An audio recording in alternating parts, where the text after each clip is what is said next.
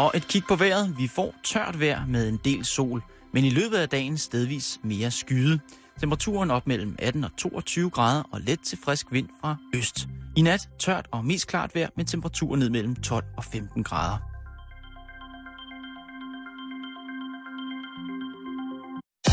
Du lytter til Radio 24 /7. Danmarks Nyheds- og Debatradio. Hør os live eller on demand på radio247.dk.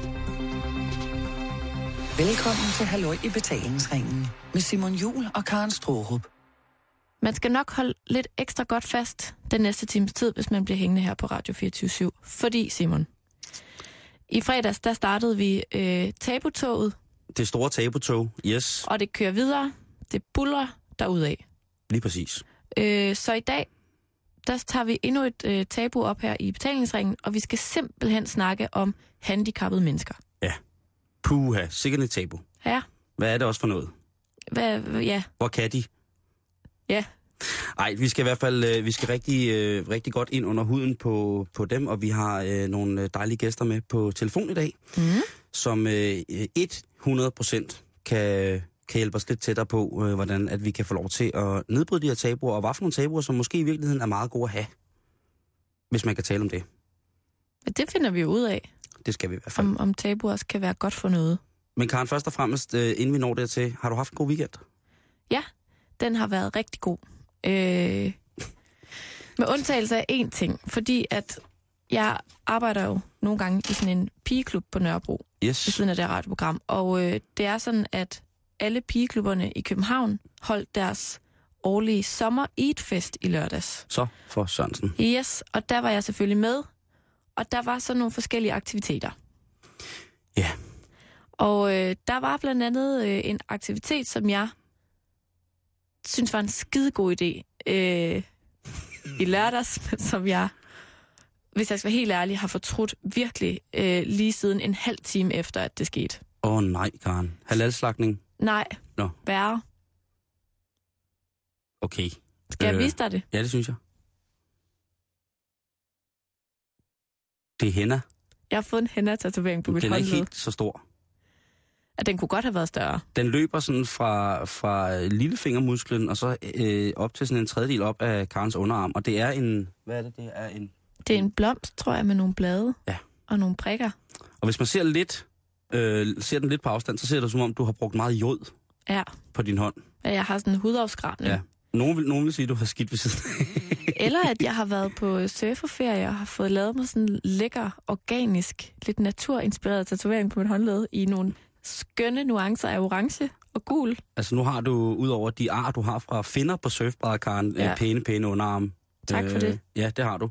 Og det er, jeg synes jo, det er så sejt. Det er jo sm- nogle af de smukkeste smykker, man kan have på armen. Det er ar fra finder på surfbrædder ja. Ja. fra Tahiti.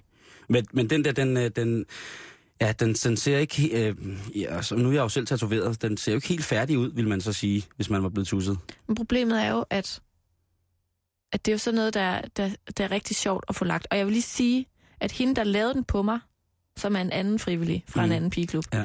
var sindssygt god til det. Altså, hvordan hun kunne føre den der tube. Altså, det eneste erfaring, jeg har, der bare minder en lille smule om, det er, når jeg pynter øh, hjemmebagte julehjerter skulle til jul sige- med glasur. Jeg sagde også til hende, du kunne blive en fantastisk konditor. Ja. Altså, det var simpelthen øh, meget, meget imponerende. Men øh, jeg har nu fundet ud af, at jeg tror ikke, jeg er hende-typen. Og jeg er lidt træt af det, fordi jeg skal til bryllup på lørdag. Den er meget grov. Og jeg er bange for, at den bliver siddende i to uger. Ja, yeah, det kan du sige. Men så er der jo altid en god historie. Det er en god icebreaker. Ej, det er faktisk rigtigt. En god samtale starter. Lige præcis. Vil du se min hende-tatovering? Se min næsten enda tatovering. Ja. Så øh, bortset fra det har det været en dejlig weekend. Hvad med dig?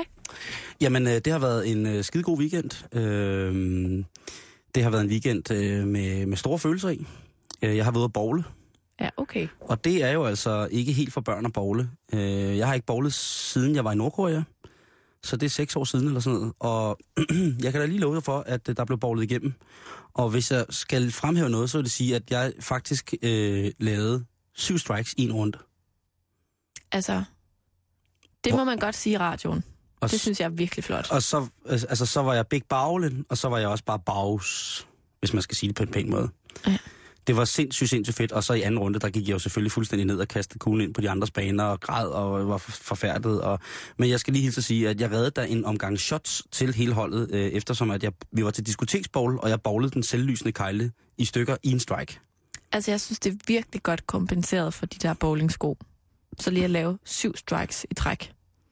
Det var sindssygt. Det er jo helt vildt. Det har jeg Ja, aldrig ja. hørt om før. Nej, og jeg har aldrig nogensinde været i sådan en situation i sportslige omgivelser. For bowling er en sport. Ja, det er det da. Men det var ikke sådan, så jeg bowlede sådan rigtigt, sådan så at kuglen sådan skruede ud mod den ene side, og så lige når den slap det der olierede gulv og fik fat, så skruede den rigtig ind og ramte den forreste kejle. Og sådan. Det var ren og skær bowl lige på den forreste kejle, og så håbe på, at den ramte på en eller anden måde. Øh, men øh, det, det der så er, det er, at jeg har ondt i ballerne. Jeg har en vissen balle. Er den ved at falde af? Ja, det er tæt på. Det er, øh, man strækker sig jo helt ud. Man bliver jo sådan helt... Altså, Ja. det, man skal være limbar. Limbar for at, at, at bowle, bowle igennem, og det var, det var virkelig fedt. Men det var et meget, meget øh, fantastisk øh, miljø, som jeg ikke har færdig så meget i desværre. Øh, bowling, skråstreg restaurant, skråstreg natklub, skråstreg buffet. Øh, verden, den har jeg bare ikke øh, haft ind under huden, og det er en stor fejl, kan jeg godt mærke på det hele. Altså, sidst jeg var ude at bowl, det var for et år siden, hvor jeg var øh, på en double date. Mm-hmm. Og det var altså sjovt. Ja, det er fandme Fordi- sjovt, du. At man er lidt i samme båd.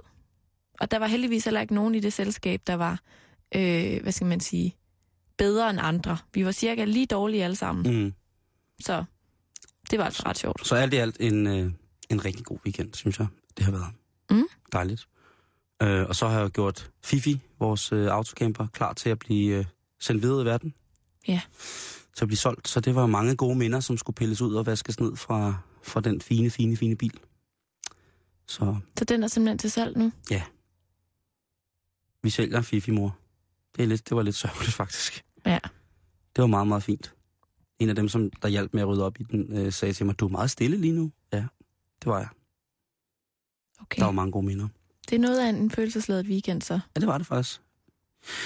Men Karen, Ja. vi skal jo øh, have fat i hornene på tyren. Ja. Og vi skal snakke handicap i dag. Mm-hmm. Og det vil jo, øh, det vil jo, øh, hvad hedder det, være løgn at sige, hvis jeg for eksempel, altså jeg har jo masser af tabuer omkring det, men har været så heldig at have folk med, øh, mere øh, større eller mindre handicap inde på livet, og en af mine aller, allerbedste venner øh, er, er blevet handicappet, Mm. øh, og ham skal vi snakke med øh, lidt senere. Så skal vi snakke med en dame, der hedder Jane. Vi skal snakke med Jane, som øh, jeg synger i kor med. Ja. Som jeg tit har brugt den der pause til kor øh, sammen med, og blandt andet snakket med hende om, hvordan det er at være mor til en datter, der er handicappet. Og det er jo igen noget, som vi synes, vi klarer så godt. Mm. Men lige pludselig så kan lynet altså sådan ned fra en, klar, fra en klar himmel, hvis det ikke er sådan, at man har, har fået et handicappet barn, eller har været handicappet hele livet. Og så sidder man altså lidt, vil nogen sige, saksen, medmindre man tør til at starte med snak om det. Ja. Fordi det er også, øh, jeg har været involveret med Muskelsvindsfonden siden 2001, og det har altså givet mig et mildestalt andet syn på livet på mange forskellige punkter. Øh, omkring det der med at være handicappet, og hvad kan man, og hvad kan man ikke, og hvad skal man spørge om. Mest det der med, hvad skal man spørge om? Altså det der med, at man kan blive helt... Er jeg nu for overpylrende omkring de her spørgsmål? Mm. Hvad kan de selv? Og, sådan noget. og det er jo ikke til at vide, medmindre man spørger. Nej. Øhm, og det er... Ja, det er... Jeg synes, det er, jeg synes, det er, er, er vildt. Jeg har jo også den gode øh, Jakob Marcel, som, øh, som jeg er god bekendt med, som jeg har rejst i Nordkorea med, øh, og ellers alle mulige andre steder i verden. Øhm, som jo også er handicappet med, med det syn på det, at øh, øh, fuck det nogle gange. Han Ja. var en type, som fik at vide, at han ikke kunne komme til at gå, og sådan nogle ting og sager. Og han, han, altså, han løber jo. Han løber hurtigere end mig i dag, Ja. kan man sige. Han ved godt, det ser sjovt ud, og det siger jeg også til ham. Men øh, det er ikke alle, man jo sådan har det med. og Det er specielt ikke alle, som tør ligesom at, at komme med de her spørgsmål, som egentlig kunne gøre, at tingene måske var lidt, blev lidt mindre tabubelagt. Ikke? Altså jeg tænker bare, at et langt stykke hen ad vejen, så hænger tabuer jo sammen med uvidenhed, ikke? Mm. Men jeg tænker især også, når det handler om handicap, at det så hænger sammen med, øh, at det bliver lidt et spejl på ens egen angst, Ja. måske for selv at blive handicappet, eller komme til at se sådan ud, eller hvad ved jeg. Altså det, øhm, det tror jeg, hvis jeg skal være helt ærligt og, og hive noget frem langt ind i mig, som jeg måske ikke er så stolt af, så tror jeg, at hvis jeg reagerer øh, med, med sådan en smule, sådan, ikke foragt, vil jeg sige, men, men sådan på en, den ikke politisk korrekte måde, så tror jeg, at det har rigtig meget at gøre med, at det er fordi, man, man bliver konfronteret med en angst, man har inde i sig selv.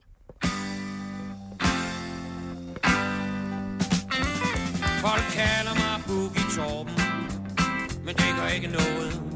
For kunne de ikke lide Boogie Så var det sikkert gået. Jeg sidder i mit mørke hjørne. Folk de kommer og går. Jeg giver dem en boogie. Det er noget de forstår. Ja, folk kalder Torben Men det gør ikke noget For kunne de ikke lide Boogie Så var det sikkert gået som lille havde mor store planer. Hun så mig som koncertpianist. Det kan være, at vi kan få øh, blive svarskyldig, måske. Fordi at, øh, nu er det sådan, så vi har min øh, dejlige, dejlige ven Thomas med på en telefon fra Silkeborg. Hej Thomsen. Hej Simon. Hej Thomas. Og sig hej, Hej. til, og sig hej til Karen. Hej Karen. Hej. Hvad så? Hvad så der? Hvad så der dog? Jeg kan høre, at I er i, i fuld gang. Ja, ja. Vi er i gang med at prøve at, at tage os selv sammen til at uh, kunne snakke om de her ting. Men øh, jeg har jo ringet til dig, fordi at øh, jeg jo øh, med stolthed kan sige, at jeg jo både har kendt dig som ikke handicappet og handicappet. Ja, det har du. Hvad, hvad er det, der sker? Øh, hvorfor øh, er det, du blev handicappet? Det Jamen, øh, jeg havde en badeulykke på Skanderborg Festivalen i 2007, hvor jeg tog et hovedspring øh, fra det, jeg troede var en badebro, som viste sig at være en bådbro. Der er forskel, øh, rent dybdemæssigt. Øh, så, så jeg, øh, så jeg, jeg simpelthen mast øh, mine øh, rygvivler ind i rygmarven øh, omkring øh, 5. og 6. nakkevivl ind i rygmarven, som er en følsom ting, som jo bliver beskyttet af, af de her ting normalt. Øh, Og det gør så, at jeg har lammelser fra... Øh, er lam i det meste af kroppen, men har, jeg har heldigvis lidt bevægelse tilbage i mine arme og mine håndled. Jeg kan ikke bruge mine hænder, men mine håndled kan jeg bruge, og, og mine arme kan jeg bruge lidt. Så øh, det var fra det ene øjeblik til det andet, altså den ene ekstrem til den anden. Og så også lige for at øh, understrege, hvor voldsomt det her øh, måske, øh, eller hvor voldsomt det har været det her. Hvad lavede du inden, at, øh, at du blev handicappet? Jamen, jeg var øh, udøvende professionel musiker, havde været det i en årrække jo, øh, og, og spillet sammen med Gud og hver mand jo, og, øh, og været afsted sammen med dig også, og jamen, alle mulige forskellige folk, jo, som vi holder af, og som spiller dejligt og synger dejligt og sådan noget. Så sådan en arbejdsmand med øh, musikken i højsædet, ikke, som professionel guitarist og sanger og sådan nogle ting. Og det stopper så i 2007, tror Ja. man vel? Det er alt, hvad der hedder instrument, ikke? Øh, trommer, klaver, bas, guitar, det, det, det er overstået kapitel, ikke? Men øh, jeg får så noget, som du kan høre, min stemme er, er øh, god nok til, at jeg kan synge med den øh, den dag i dag, øh, heldigvis. Så der har været nogle ting, jeg har kunne kæmpe mig tilbage med. Jeg var helt lammet til at starte med, men, men har fået min, min øh, biceps op at køre igen, og, og sidder i en manuel stol. Det er også, det er også en stor forskel, tror jeg, som handicappet, man sidder i en, øh, en, en elektrisk stol, eller sidder i en øh, manuel stol. Det, der, der er nogle ting, som er noget nemmere, når man sidder i en manuel, så det er jeg meget, meget glad for, at jeg stadigvæk, eller jeg kan det. Det, det kommer vi også til at snakke om øh, senere, men lige da det sker, øh, eller du vågner op, og øh, jeg kommer som en af de første op og besøger dig på Universitetshospitalet i Aarhus, og, og ser, om man håber, og sådan nogle ting og sager. Øhm, bare sådan, det, det kan man jo ikke gøre kort, men hvis man alligevel skal, hvis jeg skal tvinge det ned over øh, de smukke hoved, øhm, hvad sker der, da du vågner op efter det her?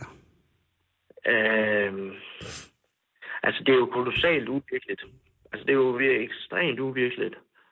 Øhm, jamen, noget af det for, altså... Altså, man, det er jo... Øh, jeg tror, jeg tænkte sådan noget som, at øh, jeg var egentlig... Ja, altså, de har jo sikkert også medicineret mig, tænker jeg. Så det, det har jo også... Øh, det påvirker nok de ting, man tænker lidt.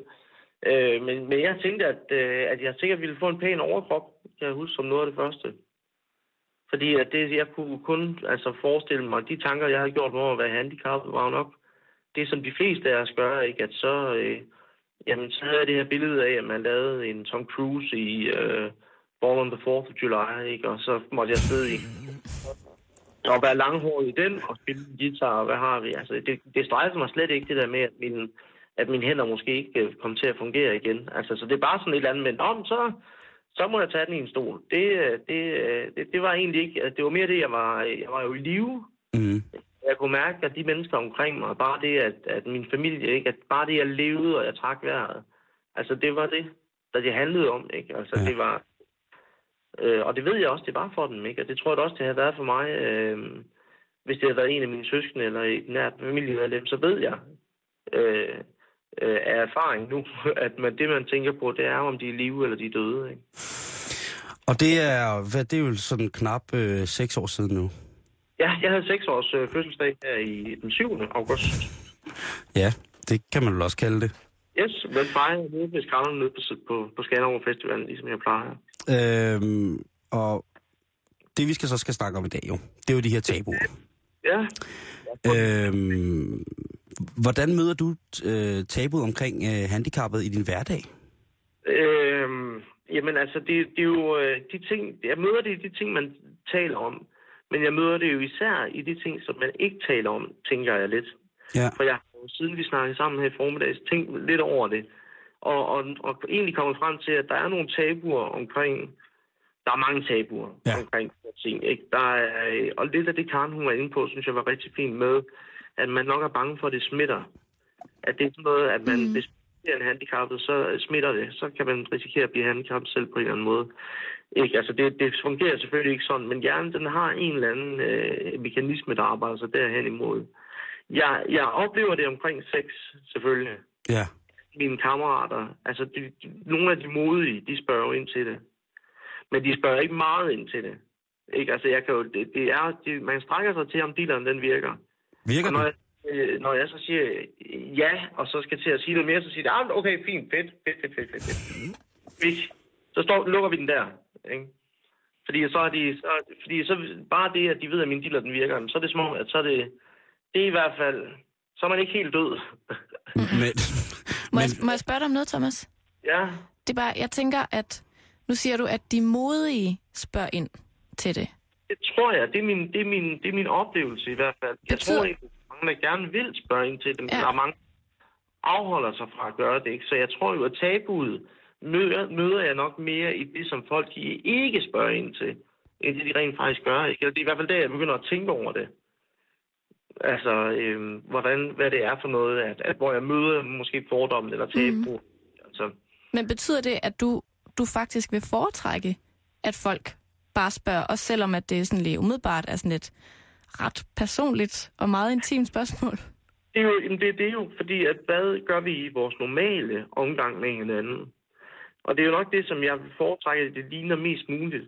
Altså mig og Simon for eksempel, vi, vi, øh, vi har aldrig været øh, i, specielt latrinære i forhold til, hvad man måske skulle tro, at vi kunne være sammen. Det har ikke... Øh, så, så den, hvor vores, øh, hvad skal man sige, vores samvær er fortsat på den samme måde. Øh, og der har ikke, fordi vi diskuterede jo heller ikke hinandens lyster på samme måde før. Men så er der nogle kammerater selvfølgelig, hvor der er, man har måske talt mere sex med. Mm.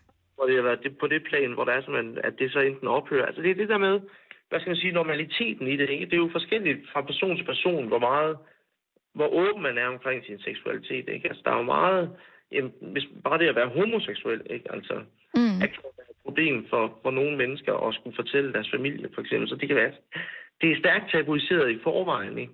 Mm. Men det er handicappet og handicappet sexliv, det er, selvfølgelig er det også tabuiseret. Men det afhænger også af, hvad for et menneske du er. Altså, hvis jeg var et reserveret menneske, jamen, så ville jeg da foretrække, at folk de ikke spurgte mig om, hvordan... øh, men fordi, at jeg er- plejer at være rimelig åben om det, så er jeg da glad for, at, øh, at man kan lave noget gas med det, og, og, og synes, at, øh, at det kan være sjovt også, ikke? Altså, fordi Mm. mm. det, det, ja. men hvordan har de sexliv det så? Og virker dilleren? Jamen, det der virker, og, øh, og jeg synes faktisk, at, øh, at det fungerer øh, overraskende godt. Altså, det, øh, altså, hvor sort det så ud på et tidspunkt, når jeg tænker tilbage, så, så synes jeg da egentlig, at jeg er kommet rigtig godt på banen igen. Men du, du er lam. Øh, kan du føle noget i dilleren? Mærke, altså, jeg kan ikke, øh, det, jeg kan mærke i underkroppen, det er jo øh, egentlig mest smerter fra ben og fødder og sådan nogle ting. Så, så det, det er de signaler, jeg får. Så, så pikkemanden kan jeg slet ikke mærke. Altså, det er... Øh, jeg kan måske sådan lige mærke, når jeg bliver kategoriseret der inde ved prostataen, at øh, der går øh, noget latex igennem derinde, ikke når jeg skal tisse. Ja. Men det er det. Det er simpelthen det. Der er ikke øh, det. Øh, men men øh, Hva- husk tak går på Viagra, altså det er jeg meget lykkelig for. Ja, det er vi mange, der er. kort, sende en tak kort til, til ja, Klaxon Klein, eller hvad det nu er, der, der producerer den. Men hvad gør man så, øh, hvad gør du så, når du, øh, når du får en, øh, får en pige, øh, som, øh, som tænker, nu skal hun have en tur op på stolen, eller hvor det nu er. Hvad siger man så? Jamen altså, det, man, man, man, øh, altså, jeg ved ikke rigtig, om jeg har oplevet det at sige noget. Altså, det er jo lidt ligesom det der, du ved, at man plejer at gøre, at man starter med at snæve. Altså, det, og hvordan man når frem til det, det plejer jo faktisk at være det sværeste, synes jeg. Og det, du, du kan sagtens lave, ved jeg. Jeg synes, at når der er sådan en først, der begynder at snæve, så er det lidt nemmere at tage den derfra. Ja. Fordi at så, øh, så kan man sådan mærke sig frem til, hvad det er, man gerne vil. Ikke? Altså, hvor langt er vi hen, og Ja. skal vi have tøjet af, eller skal vi ikke have tøjet af, eller skal vi, er det i stolen, eller er det på bordet, eller er det, øh, fortsætter vi? Altså, det, det, det er som om, at de der beslutninger, de kommer sådan hen ad vejen. Mm. Det der med at nå frem til, at man rent faktisk er i gang med et eller andet, ikke?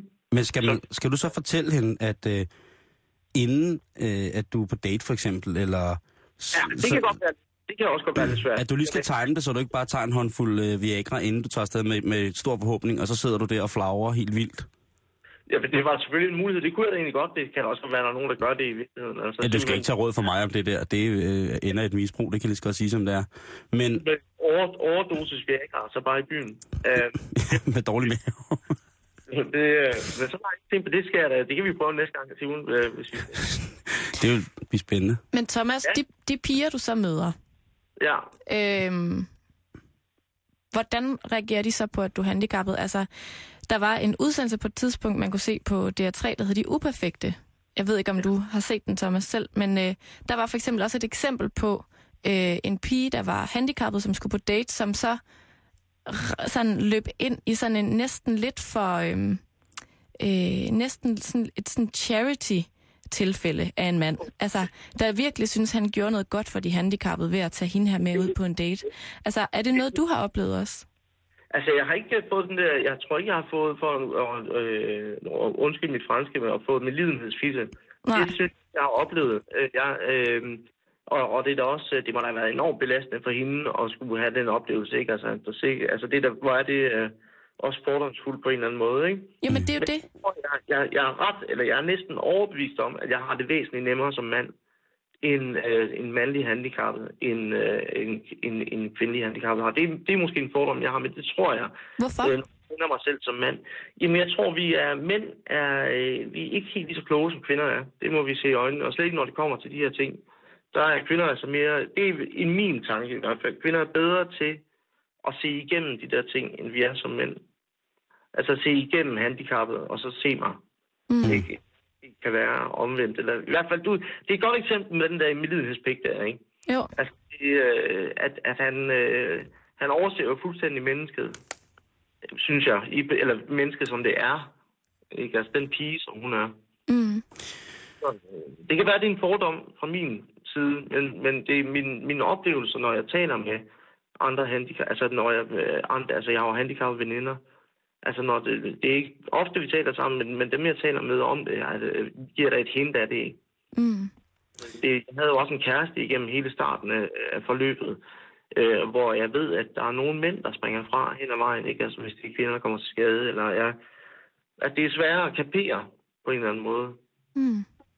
Men igen, altså det, jeg skal ikke kunne sige, om det er, øh, om det er hele vejen rundt, eller det er noget, jeg forestiller mig. Det er en idé, jeg har, i hvert fald. Tror du, tror du at, øh, at berøringsangsten, den går begge veje? Det skal de her igen, Simon. Tror du, berøringsangsten, den kan gå begge veje? Altså, at et er, at vi som normale øh, ikke tør spørge om noget, noget tabubelagt eller om nogle ting til, til handicappet, men også at handicappet, for eksempel dig selv, som er blevet handicappet, øh, også måske har svært ved at, øh, at, at ligesom være handicappet på en eller anden måde. 100 procent, altså. 100 procent. Der er... Øh, altså, jeg havde hele starten, altså i mit handicap, der var der enormt... Øh, altså, bare det at skulle efter, efter genoptræning og skulle ud og bare være i stolen, var det enormt svært for mig. det var virkelig en overvindelse at skulle i byen, og så sidde i kørestol øh, og have hjælp til tingene. Og, ikke, øh, og, og, og, og, så der, er, øh, der er selvfølgelig, jeg var nærmest en berøringsangst over for mig selv, kan man sige, ikke? i Ja. mit nye Øh, og så, så, det, så kom jo bagefter skulle til at optræde, ikke? at synge igen og sådan nogle ting. Ikke? Så det var en ny, en ny ting, man sådan skulle, du ved, øh, tage ind og, og, og tage stilling til. Altså jo, den, den er der da bestemt. Og Hvad, den er også, jeg har, den- der er der dele af mig, der stadigvæk har den. Altså Mm. over andre handicappede. Altså jeg, er ikke, øh, jeg har ikke kunnet smide det hele, på trods af, at jeg selv er meget handicappet. Ikke? Det, det er sgu lidt spøjst, men sådan er det jo. jeg har også tænkt over det, ikke? Altså, øh, så, som, som din ven kan man sige, det der med at sige, hvorfor kan vi ikke bare lige s- stå ud og drikke en kop te og sådan nogle ting og sager. Og så bliver jeg først og fremmest irriteret over, at du bor i Silkeborg. Ikke? Ja. Se, hvorfor fanden skulle han også? Og så kommer den bagefter, nå jo, det er jo fordi, at, øh, at du er blevet, blevet handicappet og brug for at bo der, hvor du bor. Øhm, hvad, hvis du har et godt råd til nogen, som skulle komme ud fra den situation, som for eksempel, øh, som, som jeg sad i for seks år siden, hvad skal man gøre, hvis man får en ven eller en veninde eller en, en, en, en, en tæt på, som, som lige pludselig bliver handicappet? Hvad, hvad, hvad skal man gøre? Altså, jeg synes, det der med at bevare normaliteten, ikke? I så, Mm. mm. så stort omfang som muligt. Altså tale til hinanden, som man altid har gjort. Ikke? Der er jo ikke... Der er jo lykkeligvis... Med, med, hvis man er lidt heldig, så er der ikke sket noget med hovedet. Ikke? Altså, det er jo en... Øh, og, og jeg tror faktisk også, at det, det, har, det har enormt meget at sige. Ikke? Altså, det, den der smitteting, som Karen hun var lidt inde på, eller som, mm. som lidt om, at den, det er, når du ser en i en kørestol, så er det som om, at der, at der, der bor også lidt en tosse i den. Ikke? Altså, Ja. Jo mere elektrisk stolen den er, jo større er den tosse, der sidder også. Altså, at der er sådan, at det, vi har det jo som om, at, det, at, at man nødvendigvis også må være øh, skadet nord for skuldrene. Ikke? Øhm, og det er jo ikke nødvendigvis tilfældet. Altså, så jeg tror, man som udgangspunkt, hvis man kender hinanden, så skal man være, du ved, være så normal som muligt. Det vil være mit, mit øh, ikke, altså hvis man plejer at joke med tingene, hvis man plejer at tale om pik og patter, Mm. jamen så skal begynde at lave det om. Ikke? Altså det, er jo, det har jo ikke ændret sig. I personens hoved har ikke ændret sig, hvis man har været heldig. Ikke? Altså, Men, men er det rart for, for dig som handicappet også at svare på nogle spørgsmål? Øh, når, jeg nu, når jeg nu for eksempel stiller dumme spørgsmål en gang imellem, ikke? Øh, Ja. er, er, er det rart at få de spørgsmål, eller bliver man bare irriteret? Er det rart at få lov til at forklare sig også over for de mennesker, som, som stadig er tæt på en? Altså, jeg, kan, jeg, jeg har oplevet, at folk kommer hen til mig og afkræver mig svar nærmest. Og det er enormt ubehageligt. Nå, øh, fortæl mig lige, hvad du har haft gang i. Ikke? Altså, det, øh, det, det synes jeg ikke er sjovt. Nej. Det synes jeg ikke. Jeg synes, det er fuldstændig fair at sige, øh, øh, må jeg spørge dig, hvordan du kom til skade? Ja. Og den har jeg mødt en masse af gange, og det Eller- synes jeg er fint. Ja. Må, jeg spørge om, må jeg spørge dig om, må jeg spørge ind til det, du sidder i, hvis det er fremmede mennesker? Ja. synes jeg, det er så fint, altså, fordi at det, øh, det, der, det der er interesse, ikke? Altså, det, det der, øh, ja, det der, man skal ikke have den der elefant til at stå i rummet. Nej. Øh, og lade som om den ikke er der. Det, så er det da bedre at sige, må jeg, må jeg spørge ind til den, eller hvad ikke? Altså, den anden, den anden, den kan, den kan jeg godt øh, tage anstød af. Ja. Øh, med, øh, altså, nærmest, det kan også nær- nærmest blive sådan lidt, den der, så er vi tilbage til medlidenhedspenge igen, ikke? Altså, Ja. nu spørger jeg ind til dig, fordi at, øh, at det er lidt synd for dig, ikke? Så nu, så nu får du lige lidt af min opmærksomhed, ikke? Thomas, hvis vi skal bare lige sådan, inden det er for sent, hvis vi skal tage fat i den der angst, som jeg snakkede om før, øh, som du kalder lidt det der med, at det er næsten som om, det smitter. Altså, så er jeg jo nødt til at spørge dig, øh, hvis jeg en dag bliver handicappet, hvad skal jeg så gøre? Altså, hvordan, øh, hvordan finder man altså, overskud til ligesom at, at ville det, og give det, og orke det, selvom at at man jo hver dag kan se, når jeg kan ikke spille fodbold mere, og jeg kan heller ikke cykle mere, og jeg kan heller ikke dit og datten. Altså, altså, hvad fanden stiller man op? Jamen, jeg, jeg, jeg, altså, jeg har jo været enormt, øh, jeg har jo enormt heldig, heldig med, med, med familie og venner, ikke? Altså, så det er jo klart, at, at hvis du har et, et netværk, hvis du har en familie, der holder af dig, jamen, så er man, så er man enormt godt stillet, altså. Det, det er man, og hvis de kan takle det og, og vil være der, så, så, så, så går det net, så vil jeg næsten sige, at så, ja, så står man det igen. Altså nemmere, ikke? Men hvis det er Mm. klart, hvis man er alene om det, ikke? Hvis du står alene i det, så, så har jeg svært ved, så enormt svært ved at se, hvordan i alverden man overlever det. Altså, øh, men, så, men selvfølgelig kan det lade sig gøre. Det er jo ikke, øh, jeg synes i hvert fald, jeg er blevet opmærksom på mine andre sanser. Mm. Altså, det er, jeg ser, og det jeg hører, og det jeg smager, og det jeg Altså de, de emotionelle oplevelser, jeg har. Ikke? Altså det er da klart, jeg vil, der, er, jeg, der er så mange ting, jeg savner at opleve med kroppen. Men, men, øhm, men jeg har stadigvæk, altså jeg er jo ikke blind, og jeg er jo ikke døv. Jeg er ikke, altså, der er masser af, af, af oplevelser, som jeg, fantastiske oplevelser, som, øh, og emotionelle oplevelser, som jeg får, ikke? Og, så, og de vil jo altid være der. Mm. Og hvem du er, ikke? Altså, men så må man så lægge sit fokus, altså lige finde ud af at fokusere mere på det, end at fokusere på, sit, øh, på sine begrænsninger. Ikke? Og du, øh, og du er jo, øh, hvad hedder det, du har jo, selvom du sidder på den flade, så ligger du ikke på den lade, kan man sige. Øh, du laver kunst, du laver øh, heldigvis, er vi mange, der er glade for, stadig øh, god musik. Du har den 3. september, hvis man ikke laver noget af nærheden Aarhus, så har du fanisering på, på en kunstudstilling, hvor du spiller med dit reggae-band også. Yes. Og du har jo også lavet en plade. Øh, du fik øh, skudt en plade afsted, som hedder Uden Hænder, som er at finde på iTunes for den til skyld. Og øh, den er jo så lavet uden hænder, kan man sige. Hvor er den der fanisering henne? Fatter Eskild i Aarhus i Skolegade på det øh, navnkyndige øh, lille værtshus beværtning. Øh, Det og, er hjem, jeg kalder det. ja, det, men det er der jo ikke øh, så mange... Øh, nå jo, det er der jo faktisk, der gør. Men du får lavet en plade, øh, der hedder Uden Hænder. Ja, det gjorde jeg. Det var ren, øh, ren bearbejdning i Ja. virkeligheden. Det, det, det, kom, det handlede meget om at blive handicappet, det er helt sikkert. Og øh, som, øh, som rosin i pølsen, først og fremmest tak, fordi du lavede med, Thomas. Det var dejligt. Ja, tak Jamen, for snakken. Det er øh, skønt at tale om det. På det, på det øh, ja, lige nok lad os et slå slag for at få tingene ud i det åbne. Altså. Så man må gerne, ligesom alt andet, spørge, hvis man spørger pænt. Jamen, det, øh, det vil så hjertelig velkommen, det er helt sikkert. Det tror jeg, øh, det, det er sådan er nok for de fleste. Øh, kan du nu øh, have en dejlig dag? Jeg glæder mig til at se sammen, dreng. I lige måde, gamle. Og så synes jeg lige, vi skal høre et stykke musik fra din plade, og det er... Skal vi lige fortælle, hvad for nummer, hvad det hedder? Det hedder Øjeblikket Evighed. Det, er, det, handler, det handler selvfølgelig om det der med, at, at et, et lille, et lille øh, øjebliks uopmærksomhed kan, øh, kan ændre meget, ikke? hvis man ikke Lige præcis. Det handler om. Men øh, tak fordi, at du gad at være med. Det var en fornøjelse. Station.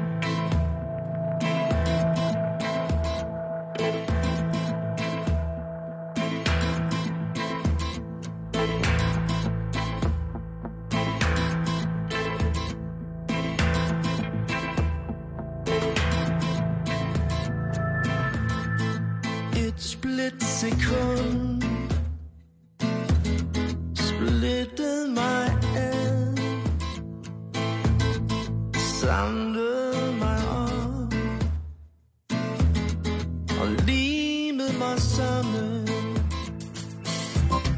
Jeg kalder det øjeblikket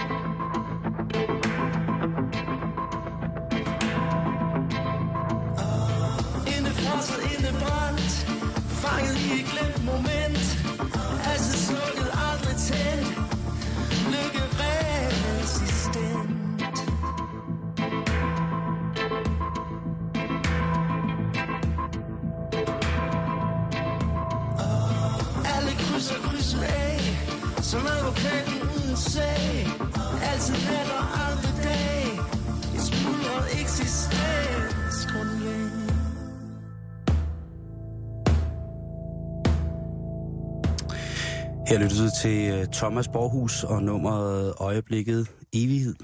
Øh, Det var et dejligt nummer. det er super fedt, og det er at finde på hans plade, som hedder Uden Hænder. Øh, Thomas, som altså blev lam for seks år siden, men som stadig for fuld skrue giver den gas. Hvis man gerne vil se Thomas live, så er det altså 3. september på Fatter Eskild i Aarhus, hvor han både har kunstfinansiering og spiller med sit reggae-band. Sådan. Lige præcis. Som jeg sagde indledningsvis, Simon, så øh, altså, den opmærksomme lytter vil jo vide, at jeg går til kor, og øh, der er mange dejlige øh, mennesker i det kor, og der er også en, der hedder Jane, og hun er mor til øh, en 11-årig pige, der hedder Emily, som altså er handicappet. Og derfor tænkte jeg, hende skal vi da snakke med, om hvordan det er at være ligesom nærmeste pårørende til, ja, vil nogen måske sige et omvandrende tabu et eller andet sted, ikke? Så øh, nu vil jeg gerne byde rigtig hjertelig velkommen til Jane Troelsen. Jo, tak. Hej Simon og Karen. Hej Jane. Hej Jane. Velkommen til programmet. Jo, tak fordi du måtte komme. Jamen, det var slet. Du er altid velkommen. Det er så hyggeligt at have, at have sådan vennerne med i programmet i dag. Ja. Og det er Jeg også blev bare, også helt inspireret. og det er Jeg også bare Thomas. ja, et tegn på, at vi har jo alle sammen på en eller anden måde det her inde på livet. Mm. Øh, men for hvor vi dog ikke gider snakke om det nogle gange. Nej, lige præcis. Og øh, Jane, øh, jeg kunne rigtig godt tænke mig at starte med at spørge dig, hvornår fandt du egentlig ud af, at øh, du skulle være mor til et handicappet barn? Det fandt jeg ud af en uge efter hun blev født. Hun blev født for tidligt, fordi jeg fik en livstruende svangerskabsforgiftning, så hun blev født for tidligt og var lå i kuvøse på neonatalafdelingen. Og så der var en uge gammel, blev hun påført en tarmbakterie, måske ved en blodprøve eller et eller andet, det ved man ikke. Og øh, så fik hun kramper og fik en blodforgiftning, som gav hende en meningitis. Og det er hjernehinderne, der bliver øh, betændte, så man får en hjerneskade. Mm. Og der blev hun rigtig alvorligt syg, så det var der, det startede. Og der fik vi selvfølgelig et kæmpe chok, og var helt vildt bange for, om hun overhovedet overlevede. Så jeg kan sagtens genkende den der uvirkelighed, som Thomas også beskrev, at man jo sådan ikke fattede helt, hvad det var, de sagde, og samtidig så vidste jeg også godt, at da de sagde meningitis, at det var virkelig alvorligt, Ja. fordi jeg selv er ergoterapeut og både arbejder med handicappede børn og voksne.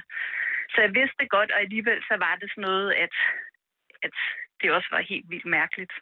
Ja, fordi I var jo forberedt på at skulle have en, hvad skal man sige, helt normal, sund og rask lille pige. Øhm, hvad, hvad er det for en proces, der starter, da I så ligesom stille og roligt finder ud af, okay, vi får så ikke et normalt barn? Jamen, processen var egentlig sådan meget... Øh, ja, jeg kan kun henvise til Thomas' proces igen. Også det der med, at det faktisk var fokus på, om, om man overlever, eller hun overlevede. Ikke? Så, så der var egentlig ikke særlig meget fokus på det der med handicappet, og måske er vi også nogle specielle forældre, fordi vi altid har bevæget os meget i handicapverdenen og øh, kendte til det, men derfor selvfølgelig er det ikke det samme som at få et handicappet barn. Men, øh, men det var de første otte måneder, der stødte hele tiden nogle dramatiske ting til med operationer og sådan noget, som gjorde, at fokus var på liv og død. Mm. Så vi fik øh, begge to en svær depression og havde det vildt dårligt samtidig med, at vi skulle være der på vores lille pige. Ikke? Hvad for nogle tabuer følger så med? Altså hele den situation for jeres familie?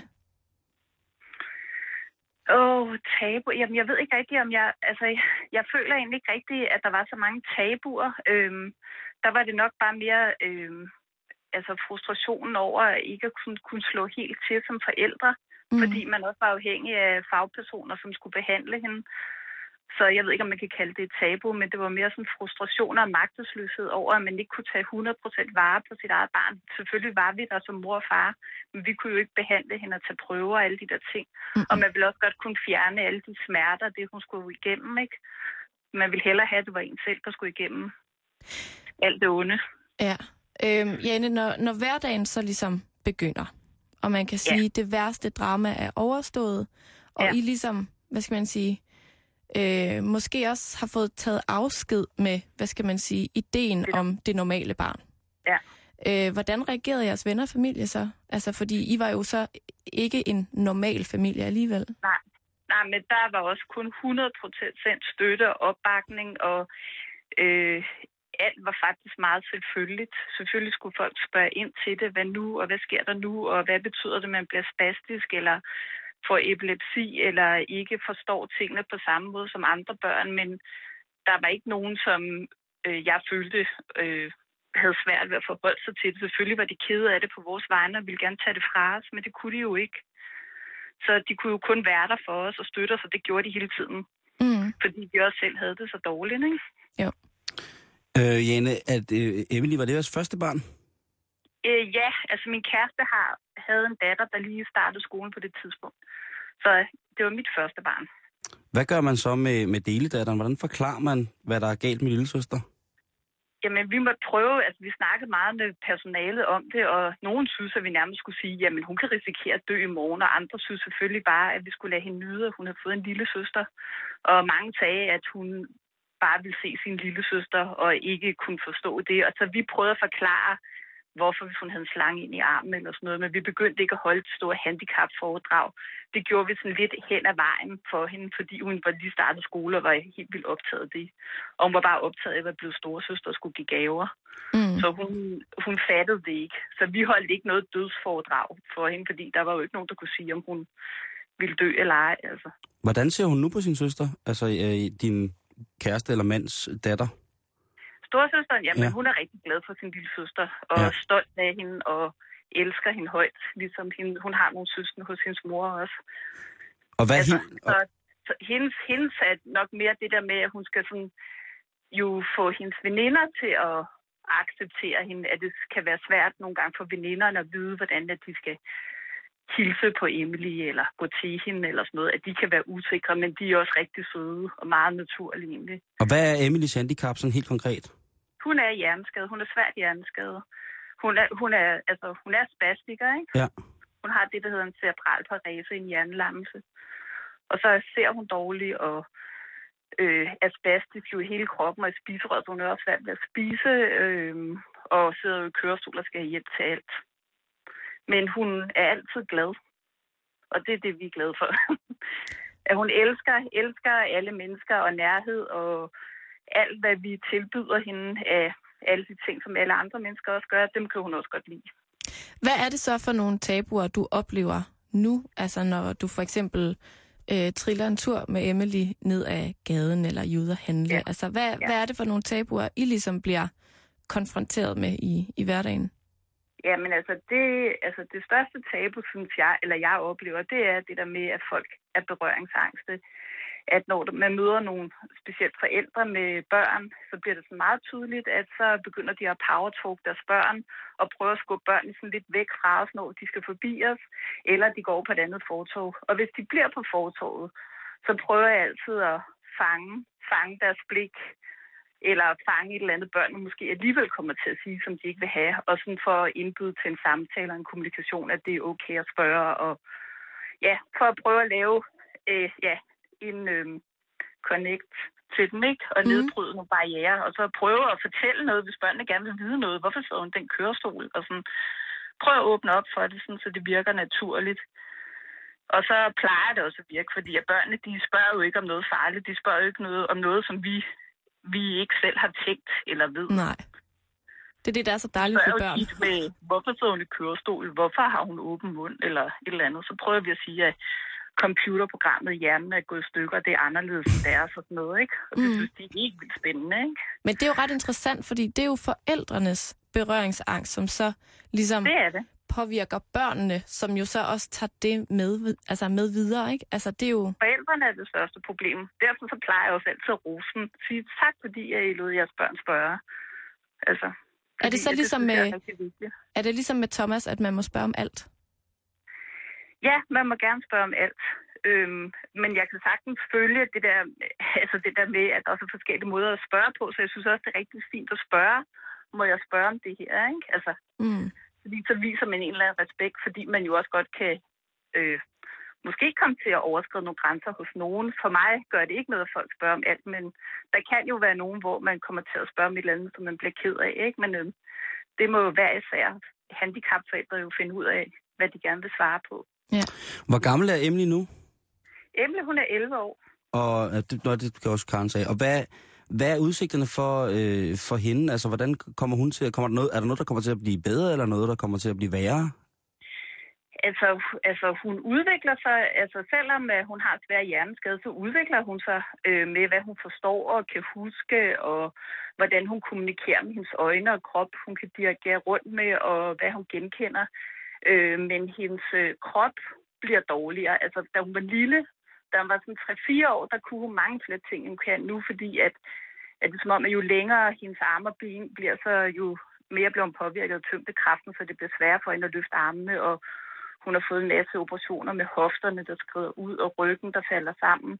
Så på den måde er det jo rigtig dårligt for hende, men, øh, men dem har, er vi sådan forbi de værste operationer, håber vi nu. øh, men, men det, at, at man ikke kan bevæge sig normalt, og man ikke går rundt, gør jo, at man bliver stram og stiv nogle steder, så man jo skal træne, prøve at forhindre det. Ikke? Snakker hun? Men altså, nej, hun snakker ikke. Hun snakker med lyde og øjnene. Det er ligesom mig. Det tager lidt tid, men man kan godt lære at forstå det. Men man skal lære at forstå det. Man skal være lidt modig, ikke? Jo. Er det så... Det, er budskab, at det er faktisk et vigtigt budskab, det der med, at i kommunikation, at man faktisk godt tør gå ind i en alternativ kommunikation, ikke? Altså Ja. give det lidt tid, og så se, hvordan er det, hendes signaler er, fordi hun selvfølgelig kommunikerer på en anden måde end alle mulige andre. Mm. Men det er også sjovt, hvis man tør det. Er der nogle tabuer, som du frygter, du skal have for eksempel med, med Emily storesøster? Nej, det er der ikke. Det er der ikke. Det, jeg ved ikke, hvad det skulle være. Nej. Altså, hun er jo, hun, altså, det var jo værre, hvis hun var flov over sin lille søster eller sådan noget, så ville, ville man jo synes, det var synd for hende. Ja. Altså, for dem begge to, ikke? Jo, jo. øhm, sådan har vi det jo ikke, så det, er jo, det skal jo kun være, hvis hun støder ind i nogle venner, som, som har svært ved at acceptere det, men det kommer hun jo til selv at skulle tage. Det bliver vi jo nok ikke en del af. Nogen snart 18 år, så Mm. hun jo godt klare det ting selv. Hvordan reagerede jeres familie og venner på, at I fik Emily? At hun var handicappet? Jamen, det, øh, altså, de synes jo, det var en forfærdelig situation, og, og ville jo selvfølgelig allerhelst øh, kunne tage alt, alt det smertefulde fra os og fra Emily, men øh, udover det, så, øh, så har de været en kæmpe støtte for os. De har hjulpet os med alt muligt og været med til, hvis vi skulle til nogle svære samtaler, eller øh, være hos Emily, hvis øh, vi skulle prøve at sove, eller ja, de har været der på alle måder, eller hjulpet os, fordi at vi havde så mange angstanfald, så vi ikke turde sove i vores egen lejlighed. Så var der nogen, der kom og sov sammen med os, Så Shit, man kom og lavede mad til os. Der var nogen, der lavede mad til os de første par måneder, ikke? Øh, fordi man også skal stå og lave mad ude på hospitalet, hvis man ikke gider at spise frikadeller hver dag. øhm, Og det? og, øh, og så bare komme og være der, turde være sammen med os, selvom at vi var kede af det, og Mm. mm. havde det rigtig skidt, ikke? Og havde et barn, som også havde det rigtig dårligt, og der hele tiden stødte nogle dødsdomme til, som man var helt vildt bange for, ikke? Jane, hvad gør du sådan helt konkret som mor? Altså, en ting er, at du er jo Emilys øh, handicapmedhjælper. Du øh, passer hende selv. Øh, Ja. Men hvad gør du, når du bare er mor, tænker jeg, for Emily? Altså, hvordan kommer du måske, jeg ved ikke, om man kan kalde det tabuer, men nogle, nogle bekymringer til livs inde i dig? Er der nogle ting, du sådan gør for hende, hvor du kan mærke, at det også er for at, at passe ekstra godt på hende? Noget, jeg gør for at passe ekstra godt på hende, jamen altså, det er jo at passe hende ud fra de behov, som hun har brug for, ikke? At det er jo mm. selvfølgelig en selvfølge, ligesom hvis det var et normalt barn. Og så, øhm, øhm, ja, jeg tror lige, du skulle spørge lidt mere ind til det. Jamen, jeg tænker bare på, hvad man kan gøre for at beskytte Og sit klare- barn mod de her tabuer. Altså, hvordan kan man... Jamen det synes jeg er det der med at prøve at leve et, et så normalt liv som muligt. Altså øh, bringe hende ud i, i øh, det samfund, som nu kommer lige ind ad døren her. Og bringe hende ud i den virkelige verden, så hun møder mennesker og får kontakt mm. og også får noget andet end kun det fra sin mor og far. Så man ikke kommer til at leve et isoleret liv. At øh, man sådan... Øh, Ja, hun bliver påvirket af alle mulige forskellige slags mennesker og reaktioner, ligesom ja. normale børn.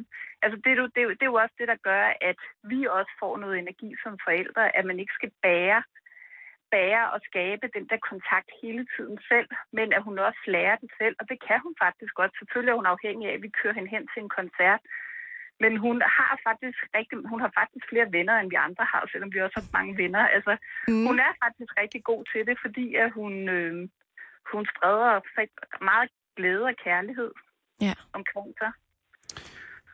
Ja, Det... Så, hvad hedder det, det er noget med at fokusere på det positive, fokus- fokusere på ressourcerne, øh, fordi øh, alt det, hun ikke kan, øh, det ved vi jo godt, så det er der jo ingen grund til at bruge energi på. Så vil man jo bare blive deprimeret resten af livet. Jenne, har det afskrækket dig for at få flere børn? Øh, Det har ikke afskrækket mig, men jeg har taget et realistisk valg, at hvis vi ville øh, kunne klare den her situation, som de forældre, vi gerne vil være for store søster og Emily, så ville vi ikke have flere børn. Ellers ville vi gerne have flere børn. Så på den måde har det jo selvfølgelig. Og så Mm. fordi jeg ikke var, jeg var ikke 21, da jeg blev mor, så, så, så skulle jeg også have skyndt mig at have gjort det, dengang jeg fik Emily. Ikke? Ja. Så det, men det er fint nok, det har jeg det. Altså, det er sådan, der er nok sådan meget realistisk, altså. At vi har også brug for at blive fyldt op som forældre og kunne nogle ting, og det kunne vi ikke, hvis vi havde to andre børn. Altså, vi vil gerne kunne springe på cyklen til en koncert i Vega eller et eller andet andet også. Ja. Jane, jeg ved, at der er noget, du gerne lige vil sige, inden at vi siger tak for nu. Ja, det er, at, hvad hedder det, at Thomas Skov og så din ven Simon, hvad det han hedder, Jakob Norsel? Ja. Ja, at de jo laver en fantastisk kampagne nu, der hedder Det er ikke et handicap på Facebook. Ja. Som jeg synes, synes, at folk skal gå ind og læse om, som også er med til at nedbryde tabuer og øge fokus omkring handicappede folk og andre folks oplever, oplevelser med handicappede. Jeg synes bare, det er en dårlig titel, fordi Jakob har jo et handicap.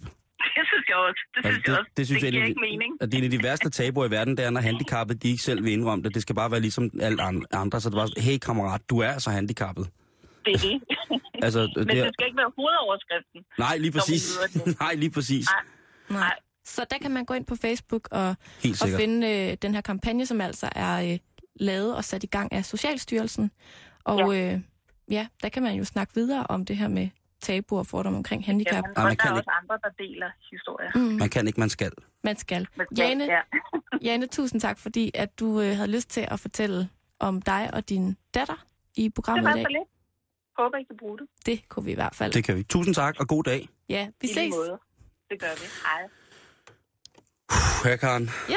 Det var øh, i hvert fald øh, en, øh, en, en saftspændt time med øh, eksistentialismen helt ude på tøjet. Et eller andet sted, synes jeg. Jeg synes, det har været, øh, været sindssygt. Øh, det, jeg glemte at sige til Jane, jeg måske hører med nu, det er jo, at øh, hold kæft for en sej.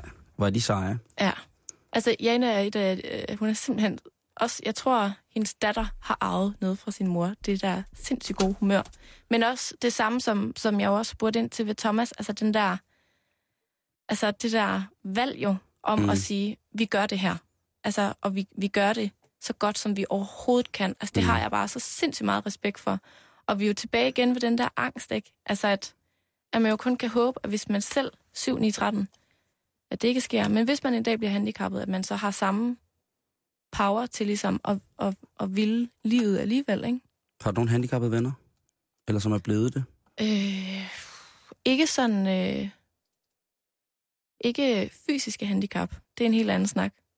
Men ikke fysiske handicap. Mm. Ikke tæt på. Nej. Ikke sådan rigtig tæt på. Kan du huske, hvordan du havde det med handicappet som barn? Ja, jeg kan huske, jeg synes, at, øh, at det var ulækkert, når de spiste. Og det er et kæmpe, kæmpe, kæmpe stort tab.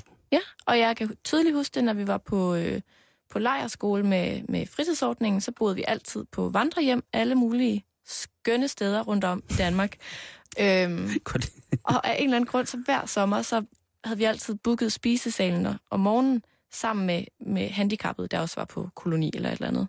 Og jeg, kan, og jeg er ikke særlig stolt af at sige det, men nu handler det om at bryde tabuer. Mm. Og jeg kan tydeligt huske, hvordan jeg som barn, jeg har det gudskelov helt anderledes nu, men, men, men jeg kan tydeligt huske det der med, at jeg fik ikke spist noget som helst om morgenen, for jeg mistede simpelthen appetitten af at se.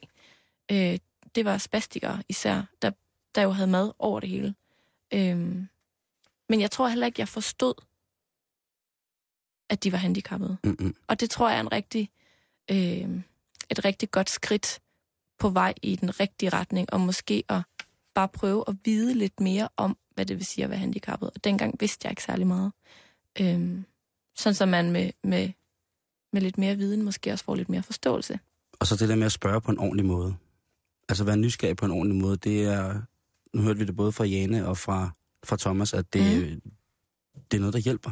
Det er noget, som er, er en god ting, øh, fordi så får de snakket om det også på en ny måde. Ja. selvom det kan være lidt grænseoverskridende. Det kan være mega grænseoverskridende. Altså, altså jeg, der, der er jo vildt mange tabu om alt muligt. Altså, jeg er jo også som præstedatter flere gange blevet spurgt, om jeg må dyrke sex for ægteskab af folk, jeg knap nok har mødt. Og det er et spændende spørgsmål at få. Og frækt, Øh, for det første. frækt, Meget frækt. Meget frækt også, synes jeg Og der kan jeg jo ja, det synes med, jeg. med god samvittighed sige, at nej, selvfølgelig må jeg ikke det. Jamen, jeg, jeg, jeg, jeg har det jo på samme måde, Karen. at du må heller ikke dyrke sex for ægteskab. Nej, det, og jeg skal aldrig giftes. Nej. Jeg er jo en, øh, jeg er jo en form for askese. Bare sådan en fysisk gørelse af en askese, det er jo ja, mig. og jeg er stolt af dig. Du gør et rigtig godt arbejde. Tak, søster Karen. Ja, tak, broder Jul. Du lytter til Radio 24 /7. Om lidt er der nyheder.